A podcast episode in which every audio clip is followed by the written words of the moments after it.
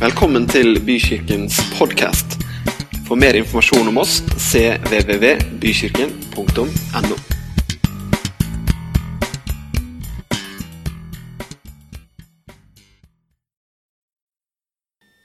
Jeg begynte som lærer eh, før jeg tok formell utdannelse som lærer. Og et av de årene så hadde jeg gleden av å jobbe på den skolen som, eh, som jeg sjøl gikk på.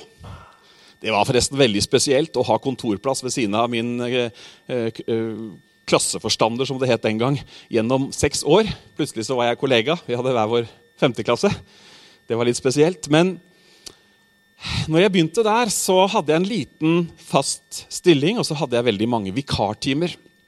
Og for de av dere som har vært borti det yrket, så vet dere at av og til så får du svært få minutter når noe har oppstått, på å forberede deg på en time. Og denne dagen så var det sånn at rektor kom med en kristendomsbok og sa Bent Ove, du må ta fjerde klasse, altså det som er femte klasse nå. Eh, vi har akkurat fått beskjed om at eh, hun som skulle ha det, ikke er kommet. Det er side 80 og 81. Da ringte det. Da hadde jeg altså, Linda sitter og nikker. Hun driver i denne bransjen, hun også. Eh, da hadde jeg altså de meterne det var fra eh, lærerrommet og bort til eh, klasserommet. Og jeg liksom, mens jeg gikk, og jeg husker det som det var i går, så bladde jeg på side 80 og 81. Følgende var overskriften 'Jesus møter menneskene'. Tenkte jeg, for et tema!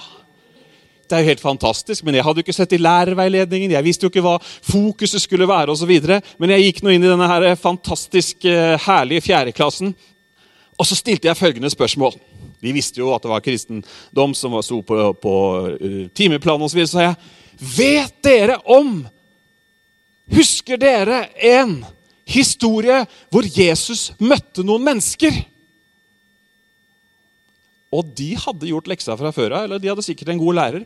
For jeg skrev på tavla. vet du, Klarte nesten ikke å skrive fort nok, for det var Jesus møter Sakkeus. Det var Jesus som møtte hun som de hadde tenkt å steine. Det var Jesus som metta 5000. Og vet du hva, vi hadde altså, Det var jo før man liksom hadde mobiltelefon og tok bilde av alt. Men hvis ikke så hadde jeg sikkert tatt bilde av en tavle som hadde tre sånne kolonner med mange Jesus møter menneskene-situasjoner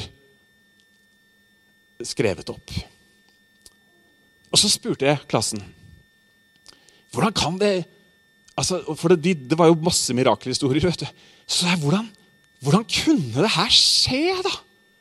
Hun som var død, som ble helbreda, han som fikk syn igjen, og 5000 Og så var det én som var ivrigere enn alle andre. Jeg så at han holdt på å sprekke.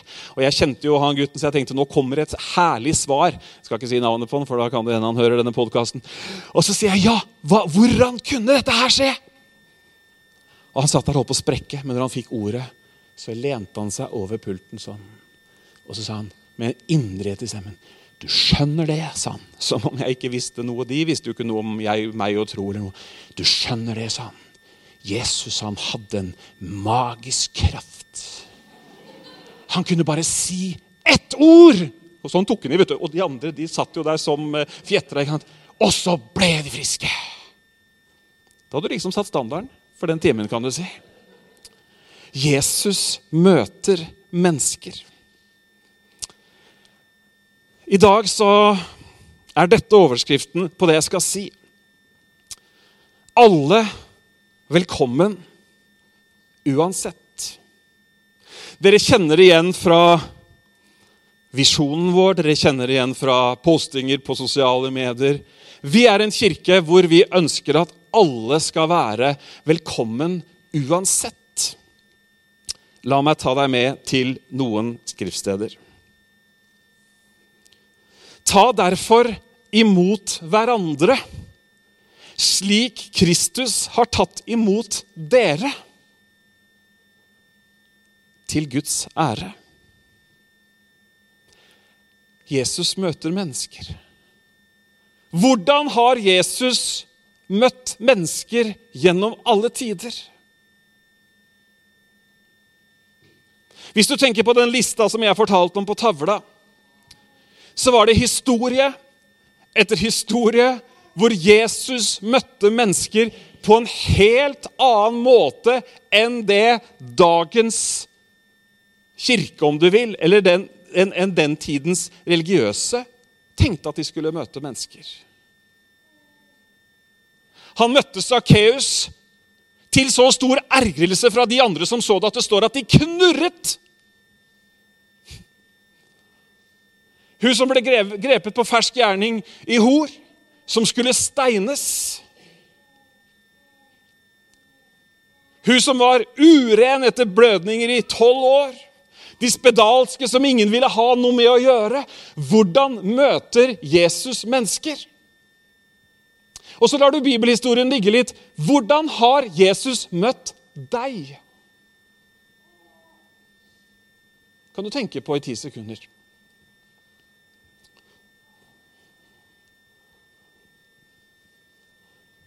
Jeg håper at du kan fortelle en historie om at han har møtt meg med nåde og overstrømmende godhet. Jeg håper at den, din historie på en eller annen måte kan sammenfattes i at jeg var langt borte, men så kom han meg nær. Jeg var en som hadde syndet, men så kom han med sin tilgivelse. Dere, I dag har lyst til å snakke om akkurat dette her, med hvordan vi tar imot mennesker, og hvorfor det er så viktig. Her står det 'ta imot hverandre'. Hvordan skal vi ta imot hverandre sånn som Kristus har tatt imot oss? Du vet, Det er stor forskjell på å ta imot noe eller noen som om det er noen som kaster en bag fra båten opp på brygga, og du tar imot den og setter den trygt ned. Det ordet som brukes her om å ta imot, det betyr at du tar noen imot, og du tar dem inn, og du gjør det med varme og omsorg. Ta imot hverandre, slik som Kristus har tatt dere imot, til Guds ære. Jeg tror at det ligger en utrolig kraft i å ta imot hverandre. Ikke bare etter norsk høflig standard, men å ta imot hverandre sånn som Kristus tar imot oss. Og Vi skal lese et par bibelvers til før jeg har noen spørsmål. Det neste er fra filipperne. La alle mennesker få merke at dere er vennlige. Herren er nær. Vennlige. I Lukas 9 så står det Men folk fikk vite det og fulgte etter.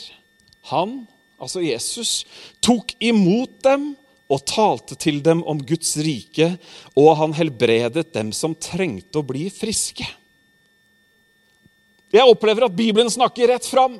Jeg opplever at Jesu eksempel er tydelig. Jeg opplever at hans undervisning er som følger, folkens. Ta folk godt imot. Og nå, jeg, nå, nå, snakker ikke jeg om dette fordi at en eller annen historie har kommet til meg om noen som ikke ble tatt imot godt her i kirka. Det har du skjønt. Eller du tenkte ikke det, håper jeg? Nei, jeg har sagt det før, men jeg sier jeg bruker aldri denne talerstolen til å enten ta en situasjon som har oppstått, eller snakke til folk som man burde ha snakka med direkte om en sak. Er det greit? Det, altså hvis, noen, no, hvis, noen, noen gang skulle tolke eller dulte borti sidemannen og den var til deg Det har jeg ikke noe med. Ok? Sånn da, da, da, mener jeg sjøl at da hadde jeg, da hadde jeg misbrukt posisjonen min fullstendig. Så det handler ikke om dette i det hele tatt. Dette handler om at jeg har lest Bibelen, og jeg ser noe rundt dette som jeg har lyst til å dele med dere. Og Det første spørsmålet er hvorfor er dette så viktig for Gud? Bibelen har til og med forskrifter i Mosebøkene om hvordan vi skal behandle nye landsmenn. Bibelen snakker om hvordan vi skal behandle de eldre, de yngre. Bibelen snakker om respekt. Bibelen snakker om hvordan vi skal være overfor vår nabo, overfor byen vår osv. Hvorfor er dette så viktig for Gud? Noen troende har jo tatt dette helt andre veien og trodd at fordi man liksom tror på han og kan kalle seg en kristen, så er man en eller annen sånn religiøs overklasse som har lov til å se ned på andre. Sånn type fariseer, ikke sant? Andre igjen har tatt det ut en annen måte og tenkt at nei, vi skal være moralens voktere. Vi skal dømme alt og alle nedenom og hjem. Alt som ikke matcher med vår begrensa forståelse av Bibelen, de setter vi på plass. La alle mennesker få merke at dere er vennlige. Herren er nær. En uvennlig kristen er med andre, andre ord ikke bibelsk. En kranglefant kristen er ikke bibelsk. En dømmende kristen er ikke bibelsk. Nå var det mye ikke-bibelsk. Skal vi ta noe bibelsk i stedet? Det bibelske er at dette er viktig for Gud. Og hvorfor er dette så viktig for Gud? Er det noen som har svaret på det spørsmålet? Hvorfor, er det så? Hvorfor står det her? Ta imot hverandre. og Det er ikke sånn ta imot hverandre og vær litt rause og greie når du er i humør til det. Nei, ta imot hverandre sånn som dere har blitt tatt imot av Kristus. Kristus tok oss imot, sier Bibelen, mens vi ennå var syndere. Mens vi ennå ikke hadde lært å oppføre oss, for å si det sånn, mens vi ennå ikke hadde de rette meninger eller den rette livsførsel, så tok han imot oss. Det er jeg veldig glad for. Det håper jeg du også er. Hvorfor er dette så viktig for Gud?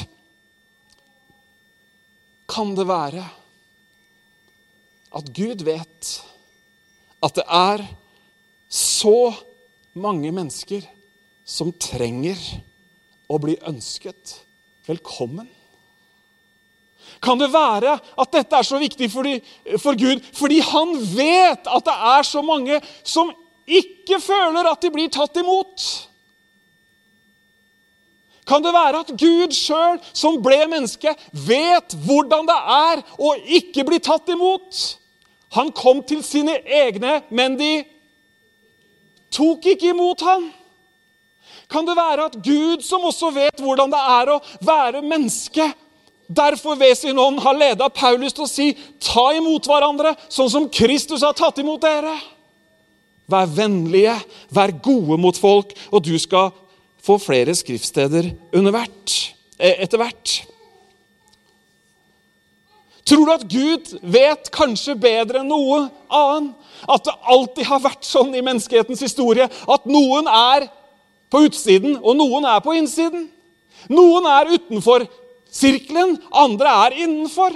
Noen blir regna med når vennekretsen møtes, andre de ringer vi aldri. Kan det være at Gud vet hvordan det er å føle og oppleve at man er utenfor, at man er på feil sted?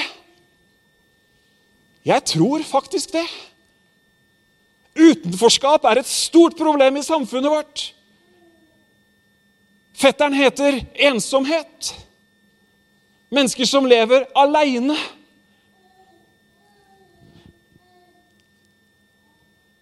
Kanskje er det sånn Jeg sier kanskje, men du vet at jeg mener ikke kanskje.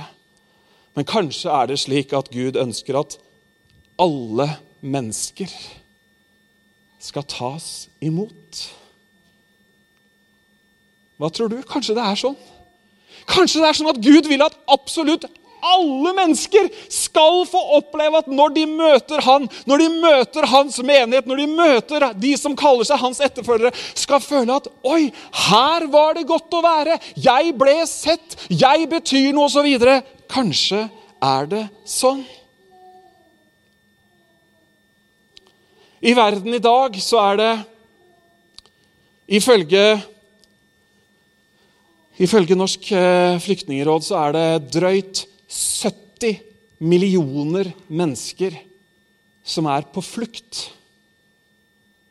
Det er tallet akkurat nå. Det tallet økte med 2,3 millioner fra året før. Mennesker som er fordrevet fra hjemmene sine pga. forfølgelse, vold, væpna konflikt osv.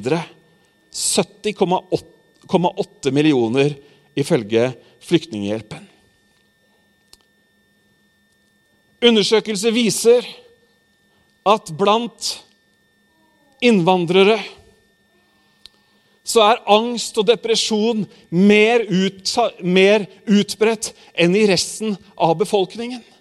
Dette her er en historie om en mann som måtte bearbeide alt det han hadde opplevd gjennom over ti år.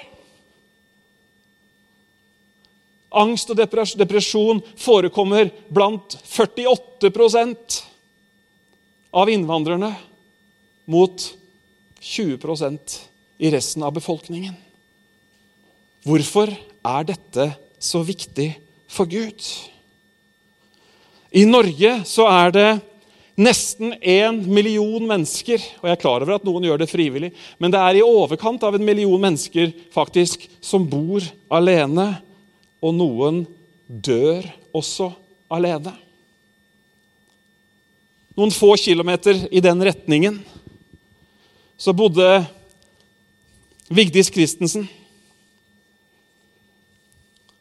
I 2010 så døde hun, og hun ble funnet fordi at blomsten fra styret i borettslaget som ble delt ut tidlig i desember, aldri ble tatt inn. Og hun ble funnet fire måneder etterpå i leiligheten sin. Hvorfor er det så viktig for Gud? Hvorfor er det så viktig for Gud at alle blir tatt imot?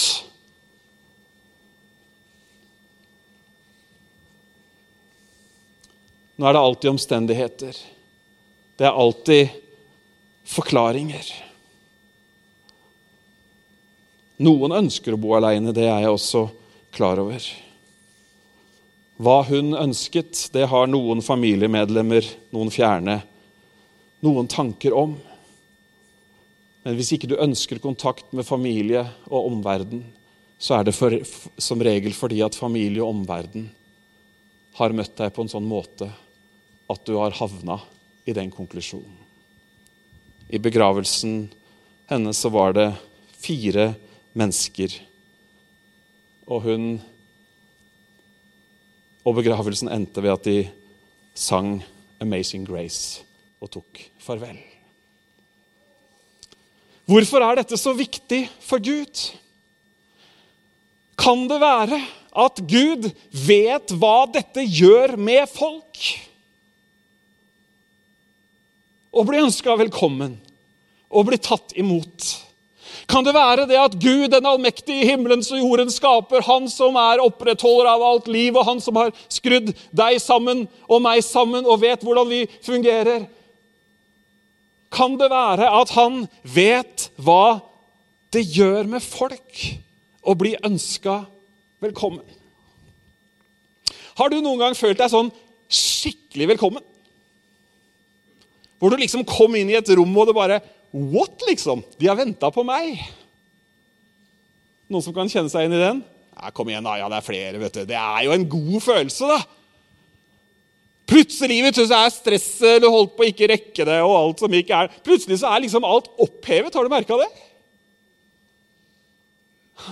Du trodde ikke du skulle rekke det, og du, du visste ikke helt hvordan dette blei. Men det er en utrolig god opplevelse, det å bli tatt imot. Jeg har noen ganger vært i litt fjernere kulturer, og der har jeg opplevd noen ganger å blitt så godt tatt imot at jeg blir helt forlegen. Altså Når, de, når, de kom, liksom når, du er i India og Pakistan, og, og liksom jubelen bryter løs idet du går inn rommet, og de kommer løpende med sånne blomsterkranser ikke sant? Du ser knapt over, over den siste. ikke sant? Har du vært med på det noen gang? Ja, Lise og noen andre, Vi har vært med på det. ikke sant? Du bare What, liksom? De skulle bare visst, har jeg tenkt noen ganger da.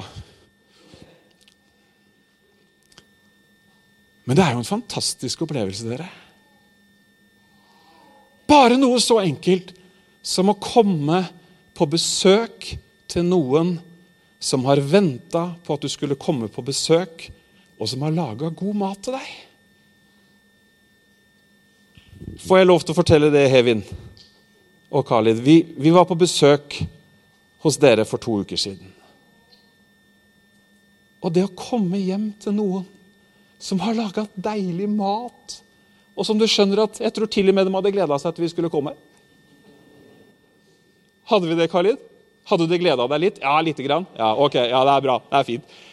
Men du vet, det er, no, det er noe med det å være velkommen som umiddelbart. og Vi kunne sikkert hatt en eller annen sånn medisinsk utlegning om hvilke hormoner som forløses når man ønskes velkommen osv. Men det kan du finne ut på Internett. Men kan det være at Gud ønsker at alle skal ønskes velkommen fordi han vet hva det gjør med folk?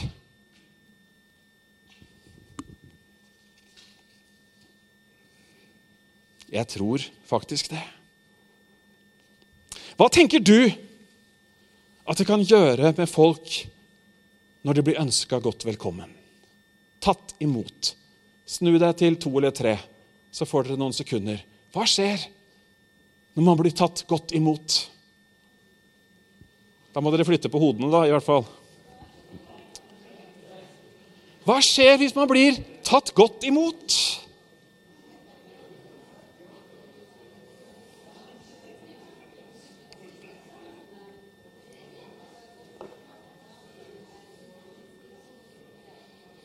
Hva skjer med deg, er spørsmålet når du blir tatt godt imot.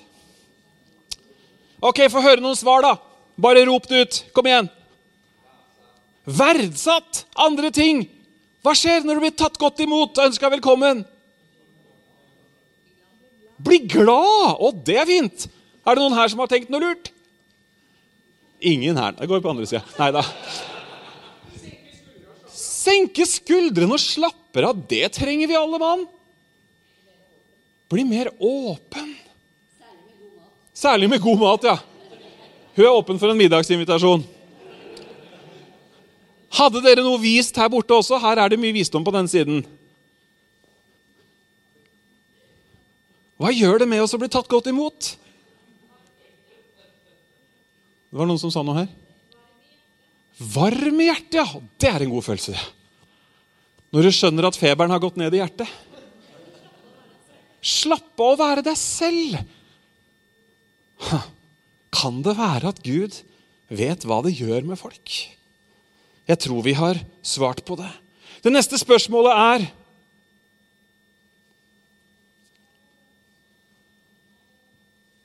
Kan det være at han vet hva det gjør med oss, da?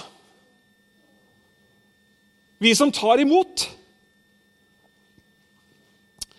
Jeg har, et, jeg har flere, men jeg har ett privilegium eh, ved å jobbe som pastor.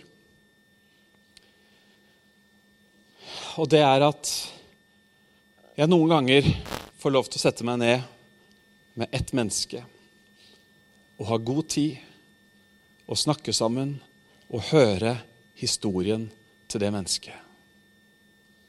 Det gjør noe med meg. Mer enn én en gang så har den historien Nesten alltid, faktisk. Alltid, vil jeg si. Så inneholder den historien ting og sider ved livet som gjør noe med meg. Jeg tror at når vi tar imot, når vi ønsker velkommen, når vi er sånne som tar imot hverandre, så tror jeg faktisk at vi blir mer forståelsesfulle. Jeg tror vi blir mer kjærlighetsfulle. Jeg tror vi utvikler vår empati ganske kraftig ved å ta imot mennesker. Ved å høre, ved å snakke.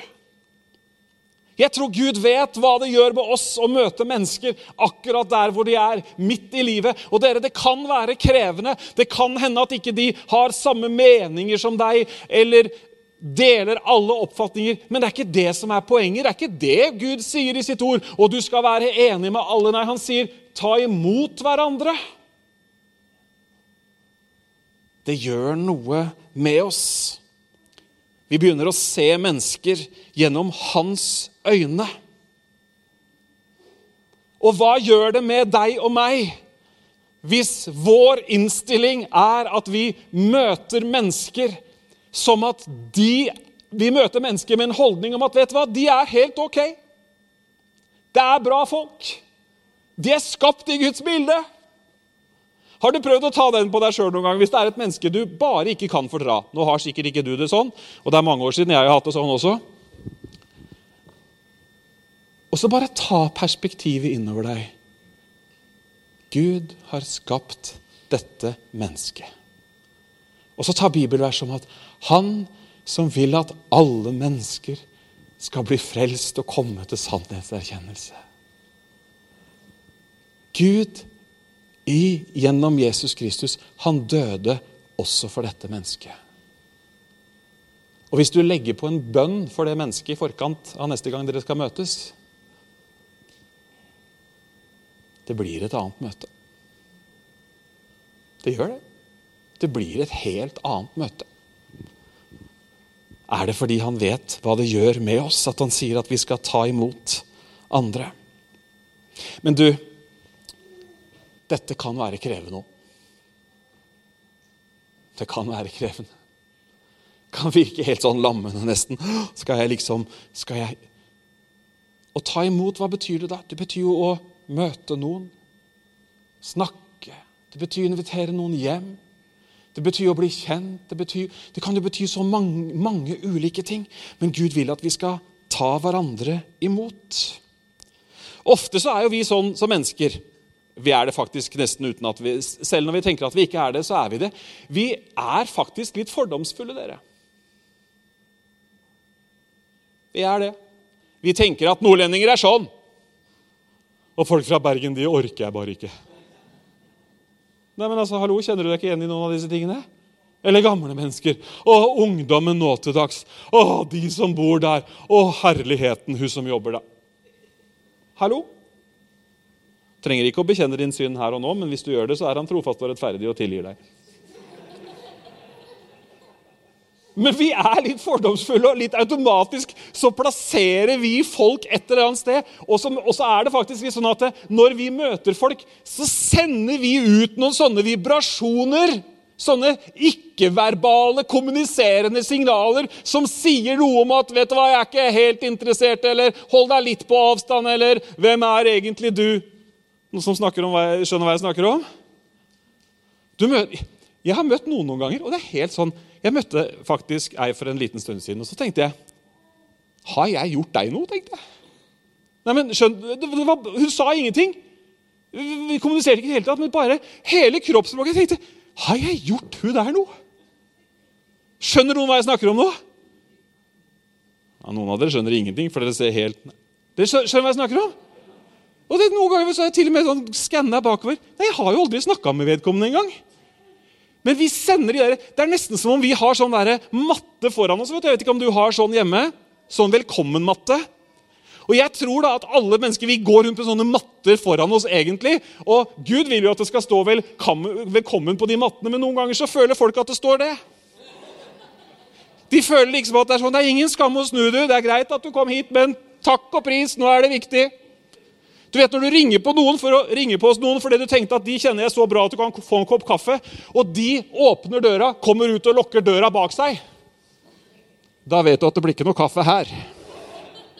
For det neste som skjer da Det er visst litt kaldt. Ha det, vi snakkes. Har du opplevd det? Det har jeg. Og Man kan ha mange ulike dørmatter. Nå snakker jeg ikke om hva vi sier, nå snakker jeg om vibbene vi sender ut. Og hvis du er litt sånn ekstra slem, så kan det til og med hende at du har satt ut en sånn. Du er veiet og funnet for tung. Eller for lett, heter det kanskje. Men disse vibbene, de her ikke-verbale, ikke-uttrykte signalene som, bare, som bare gjør at folk liksom Og han er utilgjengelig, eller hun er det umulig å snakke om. Vi er sånn som mennesker.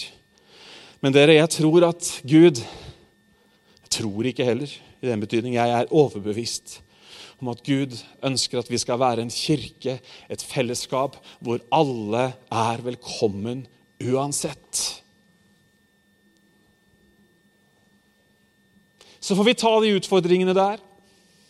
Så får vi ta de misforståelsene der. Men jeg tror at det begynner med oss. Det begynner med en bevissthet. Det begynner med å ta Guds ord til oss om hva han sier om hvordan vi skal møte mennesker. Og så har Guds ord den, det har den evnen at det kan, faktisk til og med kan endre deg når du har passert 40 år, Snorre. Han har akkurat passert 40.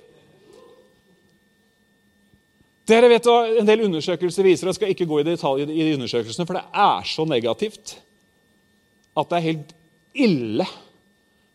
Det er helt ille hvordan, hvordan majoriteten av, den, av, av, av eh, millenniumsgenerasjonen hvordan de oppfatter kristne i Vesten, altså US and the West, hvordan de oppfatter oss som kristne, det er altså så sjokkerende lesning at det er helt heftig. Vet du hva, vet du hva, vet du hva en stor majoritet sier? De, de trykker ja på følgende uttalelse om de kristne. De er som en eksklusiv klubb. 70% av de mener det! Og så har du hele lista om at vi er dømmende, om at vi er kritiske, om at vi er homofiendtlige, om at vi er det ene og da. Det er, helt, det er bare sånn jeg tenker Ta imot hverandre som Kristus har tatt imot dere.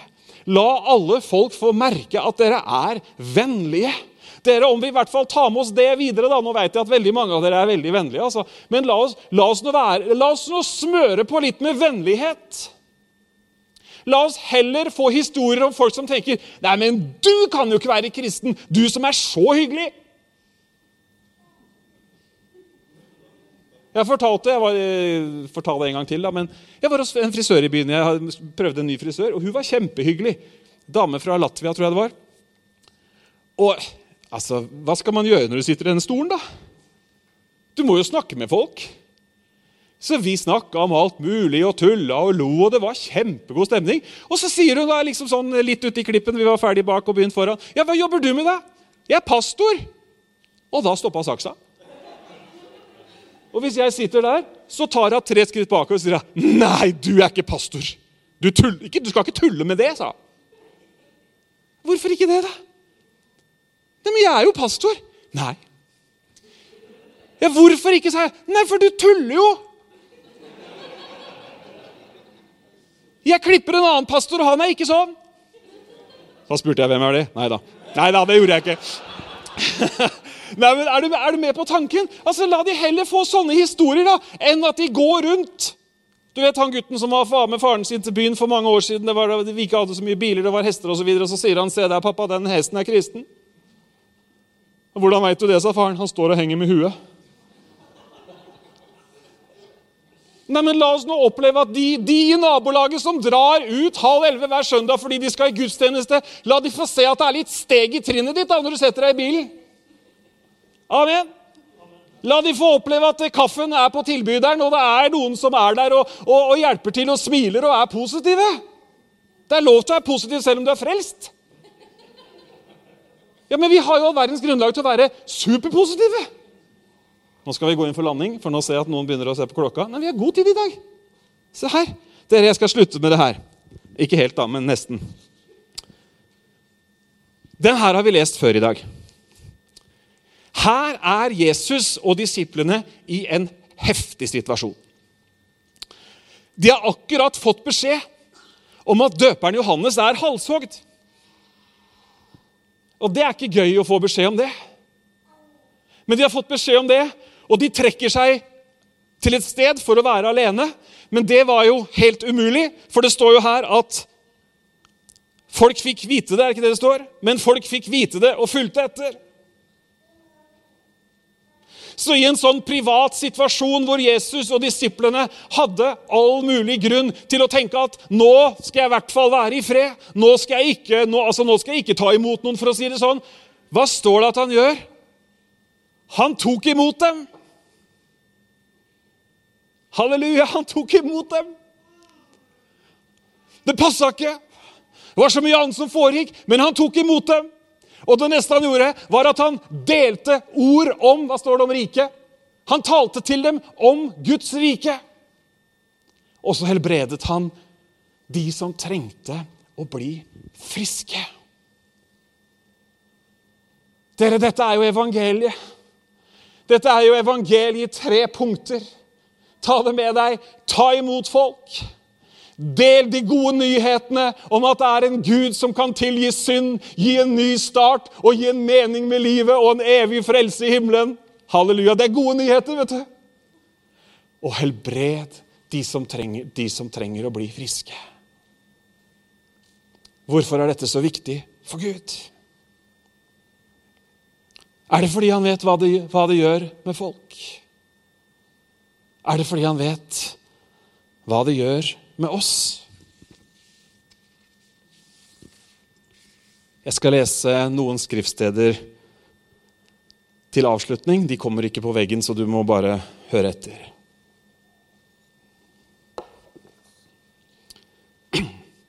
Salme 27. Om far og mor forlater meg, vil Herren ta imot meg. Ordspråkene. Vennlige ord er dryppende honning, søte for sjelen og sunne for kroppen. Paulus skriver til romerne og sier, ta imot den som er svak i troen, uten å gjøre dere til dommere over hans tanker. Han sier litt tidligere i Romerne i kapittel 12. La kjærligheten være oppriktig. Avsky det onde, hold dere til det gode. Elsk hverandre inderlig som søsken. Sett de andre høyere enn dere selv. Vær ikke lunkne, men ivrige. Vær brennende i ånden, tjen Herren.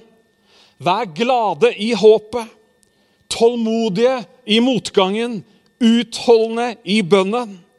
Vær med og hjelp de hellige som lider nød, og legg vind på gjestfrihet.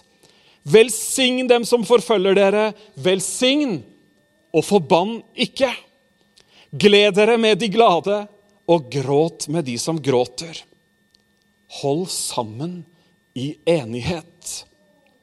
Gjør dere ikke for høye tanker, men hold dere gjerne til det lave. Og vær ikke selvkloke. Gjengjeld ikke ondt med ondt. Ha tanke for det som er godt for alle mennesker. I Galaterne så sier han, la oss ikke bli trette mens vi gjør det gode. Når tiden er inne, skal vi høste, bare vi ikke gir opp. Så la oss gjøre godt mot alle så lenge det er tid, og mest mot dem som er vår familie i troen. Og så vil jeg avslutte med det skriftstedet jeg har sitert kanskje flest ganger i dag. La alle mennesker få merke at dere er vennlige. Herren er nær. La oss be sammen. Jeg takker deg, Gud, for at du ønsker at alle mennesker skal bli tatt imot sånn som bare du tar imot mennesker. Takker deg, far, for ditt ord til oss i dag.